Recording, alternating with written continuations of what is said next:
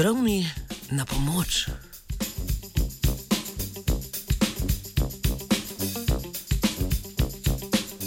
Droni ali brezpilotni letalniki ne presenečajo le, ko v zraku zasvetijo olimpijski krogi.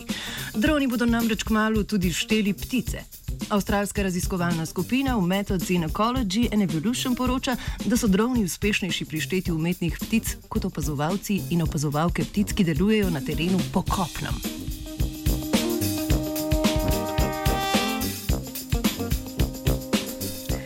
Za potrebe raziskave so pripravili kar deset kolonij iz umetnih plastičnih ptic, podobnih čigram. Vsaka kolonija je vključevala od 463 do 1017 ptic, namestili pa so jih po metropolitanski obali na jugu Avstralije. Umetne ptice so tako predstavljale kolonije ptic, ki se zadržujejo večinoma na peščeni obali.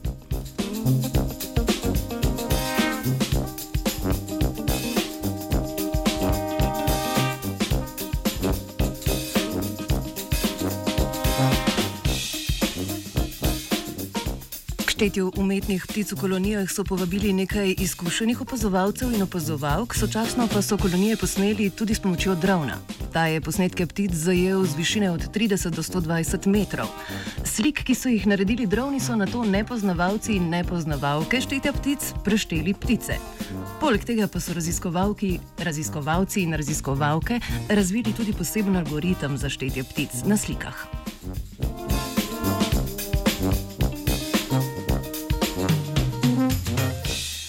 Statistična analiza je pokazala, da je bilo štetje ptic slik veliko natančnejše.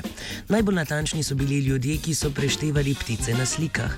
Sledil je algoritem, najmanj točni pa so bili opazovalci in opazovalke ptic na terenu.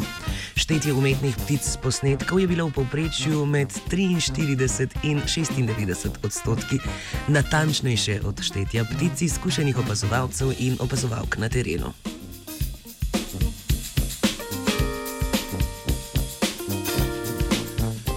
Tak način štetja živali, ukolikor se res izkaže za tako uspešnega, bi bil lahko uporaben tudi pri štetju pravih ptic in sesalcev, ki poseljujejo odprta okolja.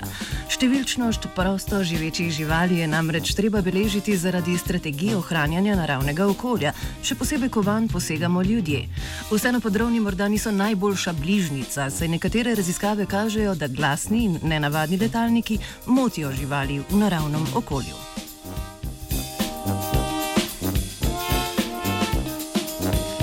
Nove metode štetja ptic, umetnih ptic, pa je preučila Zarja. Three,